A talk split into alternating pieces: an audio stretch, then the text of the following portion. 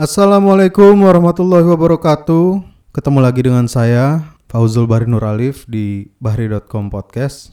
Kali ini saya ingin membacakan artikel saya Cara Gagal Membangun Usaha. Di artikel ini ada sekitar 5 poin dan terus update, tapi pembahasan satu poinnya itu panjang banget karena artikel ini saya tulis itu selama tiga hari tiga hari baru jadi. Jadi artikel ini saya bagi menjadi per poin itu satu bagian. Jadi satu poin itu satu podcast, oke? Okay? Cara gagal membangun usaha. Sebelum saya memulai pembahasan cara gagal membangun usaha, saya ingin memberikan peringatan bahwa tulisan satu ini adalah salah satu tulisan paling panjang yang pernah saya buat. Namun saya pastikan untuk Anda, terutama Anda yang saat ini sedang ingin memulai usaha atau baru memulainya, bahwa Anda tidak akan rugi meluangkan waktu untuk menyimak pembahasan sampai tuntas. Setidaknya Anda akan mendapatkan ilmu yang sangat dasar sekali untuk memulai usaha. Bahkan saking dasarnya pembahasan ini tidak menjanjikan yang muluk-muluk kepada Anda seperti misalnya anda akan berhasil, sukses, dan kaya seperti para leader MLM memotivasi downline mereka. Saya juga berusaha menyajikannya semenarik mungkin dengan contoh kisah nyata dan seberbeda mungkin dari yang lainnya. Agar Anda tidak bosan seperti ikut seminar-seminar atau kursus online yang diisi oleh narasumber full teori di mana belum sampai tuntas Anda sudah menahan kantuk dibuatnya. Karena hal yang akan dibahas ini benar-benar dasar, namun tidak patut disepelekan begitu saja. Karena dasar yang benar itulah yang berpotensi menghasilkan expert yang benar. Jika dasarnya saja keliru, expert yang dihasilkan ya berpotensi keblinger. Pertanyaannya, apakah ilmu dasar yang Anda dapat tentang mulai usaha itu sudah benar? Ya, saya tahu benar atau salah itu relatif, namun perlu diingat, gagal memulai sesuatu dengan hal yang paling mendasar saja itu sudah indikasi bahwa dasarnya saja sudah salah. Dalam konteks membangun usaha, gagal di awal permulaan adalah tanda bahwa dasar yang Anda ketahui kurang tepat. Untuk itu, belajar ilmu dasar ini sangat penting. Sebagai alternatif, selain membaca, Anda dapat mendengarkan audio podcast ini tentunya Anda sudah dengarkan kalau memang sudah dengar suara saya. Jadi mana saya membacakan tulisan untuk Anda. Jadi bagi Anda yang tidak suka membaca tulisan panjang, Anda dengarkan terus sampai tuntas. Cara gagal membangun usaha ini juga akan selalu saya update ya poin-poinnya seperti yang saya sampaikan di awal tadi. Pembahasan cara gagal membangun usaha ini tentu bukan untuk Anda lakukan, Nah, lebih tepatnya untuk Anda hindari, terutama untuk Anda yang baru mau atau sedang memulai usaha. Daripada Anda disibukkan dengan pertanyaan usaha apa yang cocok, bisnis apa yang bagus, bagaimana cara sukses membangun usaha ataupun semacamnya, kenapa tidak Anda rubah saja pertanyaannya menjadi hal apa yang menyebabkan usaha yang baru mulai bisa gagal? Bukankah selama ini Anda mencari usaha apa yang cocok untuk Anda jalankan itu juga karena Anda mengkhawatirkan kegagalan? Kemudian Anda ingin memastikan bahwa ada bisnis atau usaha yang benar-benar bisa membuat Anda berhasil dan membuat Anda mendapatkan keuntungan banyak, bukan? Maka dari itu, jika Anda seorang pemula atau orang yang baru memulai usaha, akan lebih tepat jika yang harus Anda ketahui terlebih dahulu adalah langkah-langkah bagaimana Anda tidak menemui potensi kegagalan apalagi di awal-awal merintis usaha. Bukan malah disibukkan dengan mencari bisnis atau promosi apa dan bagaimana yang bisa membuat Anda berhasil, yang di mana hal itu belum tentu cocok buat Anda. Karena sejatinya setiap produk pasti ada pembelinya. Tinggal Anda sebagai eksekutornya. Apakah Anda bisa membawa produk yang Anda jual bertemu dengan pasar yang tepat? Kegagalan usaha di awal-awal merintis dapat sangat menyerang psikis dan mental Anda, membuat Anda berpotensi berpikir bahwa Anda tidak berbakat untuk usaha, bahkan trauma dan menutup diri akan peluang usaha yang ada. Untuk itulah, agar usaha yang baru mau Anda mulai dapat meminimalisir kegagalan, hindarilah cara gagal dalam usaha yang akan saya bahas berikut ini. Yang pertama adalah tidak melakukan tiga tahapan penting awal usaha. Rata-rata usaha rintisan gagal karena mengabaikan tiga tahapan penting yang akan saya bahas berikut ini. Sebagai orang yang niat membangun usaha, sebaiknya Anda harus mengetahui dan mempraktekkan tiga tahapan penting ini. Jika Anda baru mau memulai usaha, Anda harus menyimak ini sampai selesai. Saya tidak akan mengambil contoh jauh-jauh membahas kesuksesan Mark Zuckerberg, Bill Gates, Jack Ma, Steve Jobs, Jeff Bezos, atau sebagainya. Eits, jangan berpikir juga saya akan membahas orang-orang sukses lokal yang baru-baru ini namanya mencuat seperti Nadiem Makarim, William Tanuwijaya, Ahmad Zaki atau sebagainya karena saya paham sudah sangat banyak yang membahasnya di luar sana. Apakah Anda mulai berpikir bahwa saya akan membahas diri saya dan pengalaman saya sendiri? Bukan. Tentu saya tidak membahas diri sendiri juga di sini, tidak. Saya mengerti Anda pasti jengkel dengan orang-orang yang mencoba membanggakan dirinya sendiri di hadapan Anda. Di sini saya akan menjadikan orang terdekat saya sebagai contoh yang tanpa sengaja telah menjalankan tiga tahapan ini. Ya, tanpa sengaja. Ia adalah istri saya sendiri dengan usaha cimol mozzarella. Cerita ia memulai usahanya diawali karena kegemarannya membuang-buang uang untuk membeli cemilan-cemilan yang ia suka. Dia pecinta cemilan kekinian. Sering protes terhadap saya yang suka menghamburkan uang untuk membeli rokok, tapi dia tidak menyadari bahwa uang yang dikeluarkan untuk beli cemilan juga tidak kalah banyak. Karena kami tinggal di tempat yang semi komplek dan tetangga yang sedikit, teman ngobrol dan nyemil istri saya yang saat itu profesinya sebagai ibu rumah tangga adalah tetangga persis depan rumah saya. Seorang ibu yang biasa dipanggil Oma dan anak gadisnya yang masih SMK di kejuruan Tata Boga bernama Bimbi. Karena tetangga saya hobi memasak, tidak jarang mereka dan istri saya mengotori dapur untuk bereksperimen membuat makanan dan tentunya saya yang menghabiskan makanan tersebut. Saat PSBB diberlakukan, istri saya dan anak tetangga saya si Bimbi yang saat ini masih harus menjalani sekolah dari rumah. Entah apa yang terjadi tiba-tiba mereka kepikiran untuk iseng menjual cimol mozzarella buatan tangan mereka. Dan awal-awal sudah mendapat 30 bungkus lebih orderan.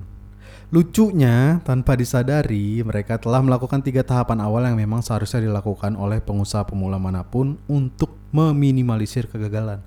Nah, apa saja tiga tahapan tersebut? Yang pertama adalah tahap development. Tahap development ini adalah tahap merealisasikan produk awal yang berasal dari ide.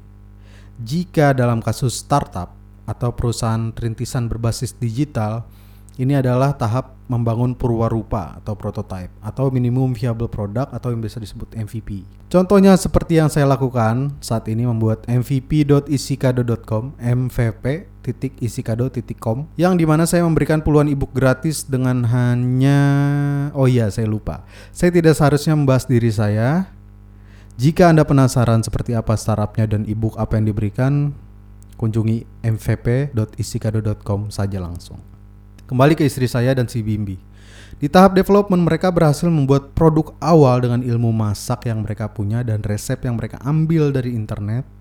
Mereka berhasil merealisasikan ide cimol berisi mozzarella itu menjadi sebuah wujud yang dapat dipegang, digigit, dan ditelan. Begitu saya tanya istri, mengapa kepikiran untuk jual cimol mozzarella?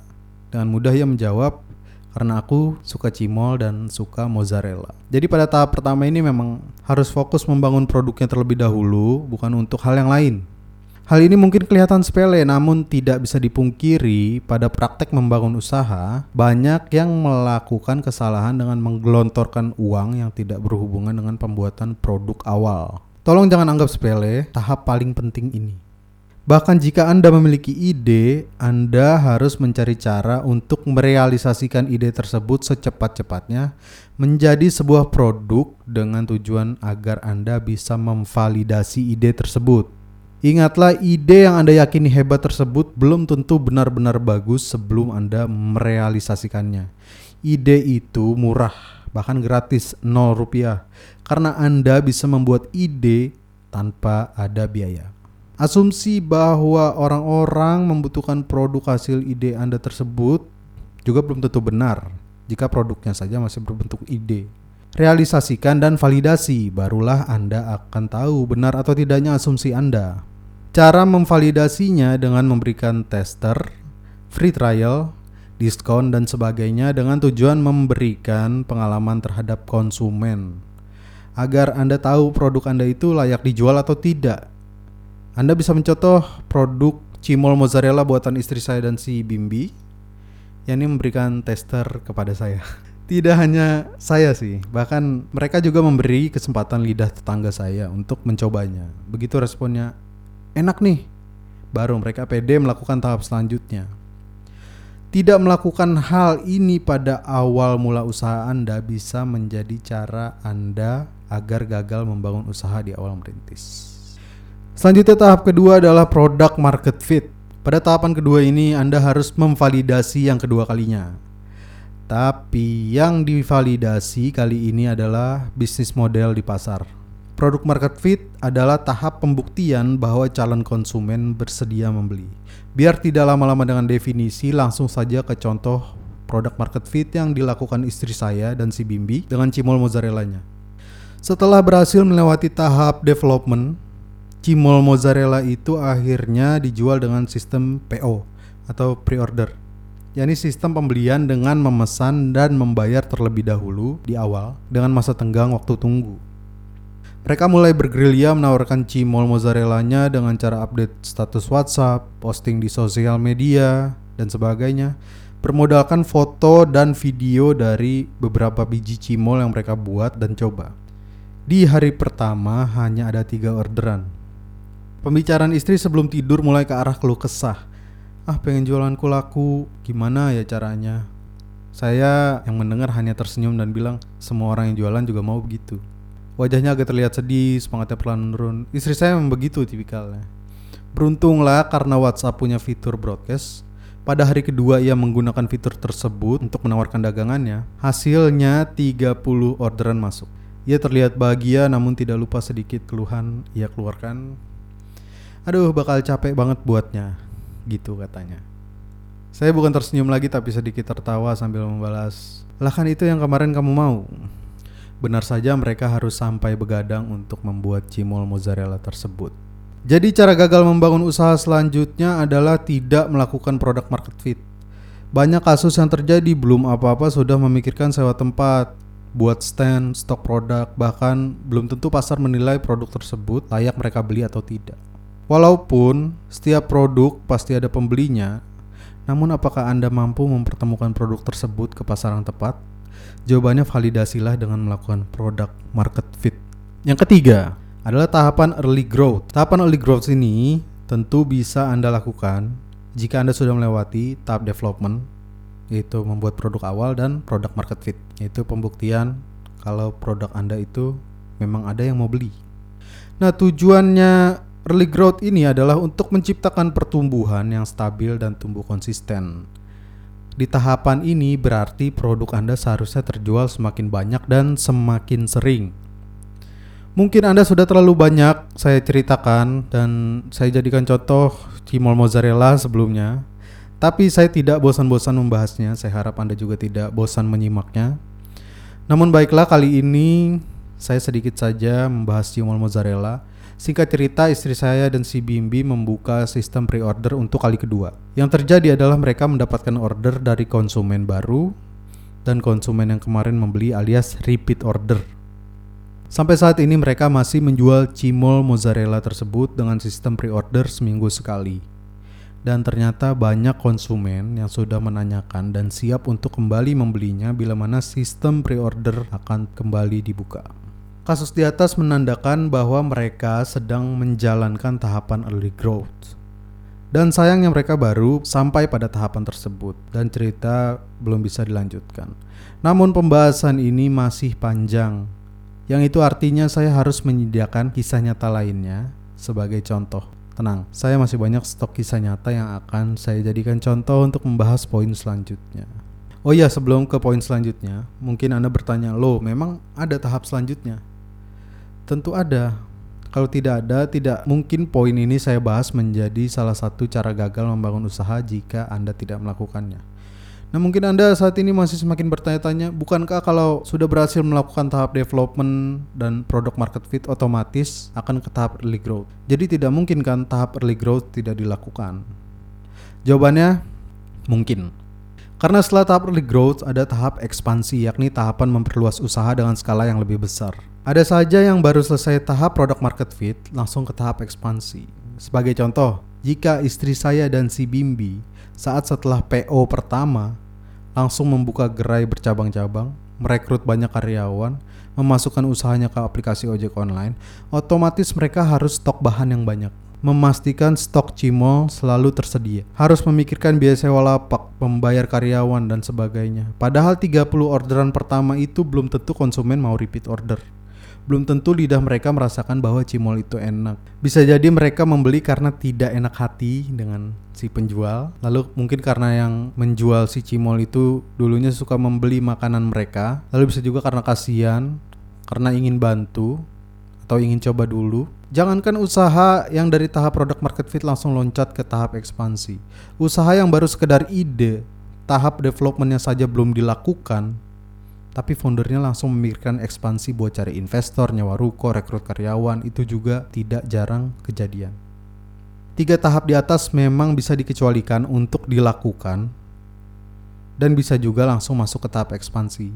Asalkan pelaku usaha sudah terbukti memiliki rekam jejak yang baik, kompetensi serta potensi mengelola usaha yang sudah berhasil melewati tiga tahapan awal dan berhasil ada di tahap ekspansi bahkan sudah melewati tahap ekspansi tersebut. Pertanyaannya apakah Anda memiliki itu semua? Kalau tidak ya lakukan dulu tiga tahapan tersebut. Tapi kalau Anda memang mau mendapatkan pengalaman gagal usaha, ya tidak usah dipedulikan tiga tahapan awal tersebut. Jika Anda pemula dan tiga tahapan awal tersebut tidak dilakukan, potensi Anda mendapatkan pengalaman gagal membangun usaha akan lebih dominan. Itu dulu podcast dari saya membacakan artikel saya sendiri. Kalau Anda malas baca ya, podcast dari bahri.com podcast. Silakan ditunggu updatean selanjutnya. Poin kedua, tadi kan poin pertama tidak melakukan tiga tahap awal penting. Poin kedua adalah selalu berpikir kekurangan modal akan saya update dengan contoh cerita dari teman saya seorang mantan koki jadi ojek online dan punya usaha. Apakah berhasil usahanya? Tunggu di updatean kedua. Oke. Sekian dulu dari saya Fauzul Barinur Alif. Assalamualaikum warahmatullahi wabarakatuh.